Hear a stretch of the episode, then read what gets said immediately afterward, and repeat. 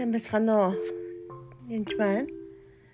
За тэгээд би танд бас миний амьдралд тохиолдож байсан нэг үйл явдлынхаа тухай гэрчлээд тэгээд яриад тэгээд энэ ишлэг уншиж гэж бодсон юм. Дуулал номын 13-ыг эзэн хэдий болтол юм бэ? Та намайг үрд мартах юм уу? Хэдий болтол та надаас нүрэ нуух юм бэ? Тэгэхээр би хэдий болт сэтгэлтэйгээр ярьж бүхий өдөр чинь зүрхээрээ завах юм бэ гэж Тэгэхээр амьдралд юм тодорхойгүй байдлууд үүсэх үед эзнээс асуулт асуугаа заримдаа эзэн хариулахгүй ч юм уу ерөөсөө ярихгүй тохиолдол байдаг л да. Тэгэд энэ үед маш сэтгэл шаналдаг байгаа. Эзэн та хаана байна вэ? Бурхан хаана байна гэд ялангуяа ингэж эзэнтэй ярьдаг байсан хүн аа тийм хүн бол бүр их өгүүлдэг байгаа. Тэгээд бурхан та хаана байна гэд маш их асуудаг байгаа. Бурхан та хайцсан бэ? Одоо би хэдий болтын зүрхэндээ ярих юм энэ үед маш шаналдаг байгаа. Ялангуяа одоо буруу юм хийсэн ч юм шиг эсвэл одоо бурхан тоохгүй хаягдсан ч юм шиг тийм хэцүү үед бас байдаг л та. Тэгээ тэр энэ үед бол нэг эцэс би ингээд яг залбиралгүйгаа тэгээ ерөөс хариулт авахгүй аа тэгээ дээрэс нь яг ажилд орохгүй ажилд орч тодорхойгүй ингээд ингээд яг бурхан тийш яв гэд явцсан очисон хоноо бүр ингээд ямар ч тодорхойгүй байдалд орсон үедээ эзнес ингээд тасууж исэн маа тэгээд бүр хүүхдээс бурхан миний хажууд байна уу? Ээж нь ямар нэгэн буруу юм хийсэн биш байгаа.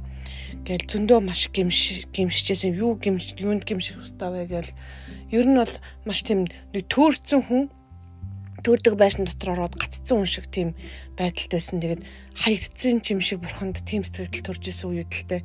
Энэ үед болохоор би хүүхдээс иргэнч бурхан байна уу гэхээр тийм байлгүй яах вэ? Яагаад надтай ярихгүй байгаа юм бэ? Яагаад би ийм байдалд байгаа юм бэ? Сэтгэл минь ингэж их шанална вэ гэж би хэлжсэн. Тэгэд ээжээ та 50 байх хэвээр шаналхгүй 50 байх хэвээр бурхан таны хажууд байна. Зүгээр бурхан чимээгүй байна л гэж хэлжсэн. Тэгээ би яг юу хийчихэд бурхан ингэ дууга ураацсан бэ гэдгсэн чинь та төвчөртэй хүлээх хэвээр танд хичээл зааж гэн та өөрөө бас шалгагдаж гин гэж хэлсэн ба. Тэгээд а тэгсэн чинь сүүлд нь бол бурхан хэлсэн л дээ Чи оюутнуудаас хичээл авах үедээ тест авч явах үедээ яадаг вэ гэжэлсэн. Тэр үед мэдээж оюутнууд бол сандардаг байгаа, хэцүү байгаа, бэлддэг байгаа, бэлдэж бэлдэж байгаа тестэнд ордог. Аа, шинэ багш маань тусаад өгчих байх гэж утсан гэсэн багш чимээгүй л байдаг. Би бол оюутнуудаа чив чимээгүй байдаг, юу ч хэлдэггүй, юу ч ярьдаггүй ялангуяа шалгалтын дээр би жоохон хатуухан багш л та маш одоо энгийн үед маш зөөлөн ч юм уу маш их олон удаа тайлбарлаж өгж хэлж өгдөг мөртлөө шалгалт авах үед би чив чимээгүй болдог. Тэгээд үнэхээр техникийн одоо асуудал гарахгүй бол би ер дуугаа байдаг. Тэгээд бол тэр оюутан тэрийг хийх өөрөөсөө хийх ёстой. Бага өөртөө бэлдсэн байх ёстой. Бэлтгэт нь би зөндөө тусалдаг байгаа. Яг шалгалт авах үед бол би чимээг байдаг. Шалгалтын үр дүн гарсны дараа харин тайлбарлаж хэлж өгдөг баг. Яг үүнтэй адилхан процесс болсон. Тэгээд эзэн дараа нь хэлж өгч тайлбарлсан. Тэр үед эзэн дууга хороодсон тэр үедэд маш хэцүү байсан л та.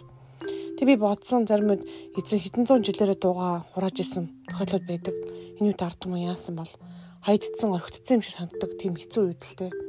Тэр бурхан эзээч таныг хайдаггүй гэдгийг сайн санаараа эзээч чамайг орхихгүй гэж амласан л бол амласан бурхан амлсандаа үрдэг. Тэгээ ялангуяа тийм үеуд хэрэг тохиолдох юм бол эзэн шалгаж ээж магадгүй эзэн зүгээр л таныг хайрлаад харж иж ус магтгүй. Тэр бид нэр тэр үедээ маш тайван амар тайвнаар хучуул тайван байх хэрэгтэй байгаа. Бити сандраараа ялангуяа эзэн дотор хин гэдгээ мэдээрээ. Тэр үед чинь би өдөржлөлт хийдэг одоо Bible study буюу Библийн хичээлүүд 5 дахь уралгын хийдэг байсан юм шүү дээ. Хичээл хийх болохоор яг хариу сүнсийг сонсоол баг тэр хүмүүсийг залбирах үед сонсдоод хийчихнэ Тэгээл яг өөртөө холбоотой юм уу? Одоо хувийн харилцаа одоо үүсгэх ч юм уу те.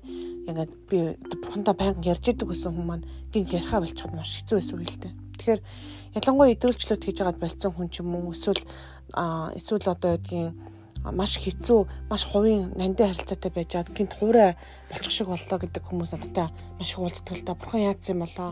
Би юу буруу хийсэн бэ ч гэдэг юм уу те. Буцаж яаж болтоо бурхантай ойр татн болох ч гэдэг юм уу Тэгэхээр магадгүй энэ та дараачийн үе чат руу гарч байгаа бас нэг үе байж болно.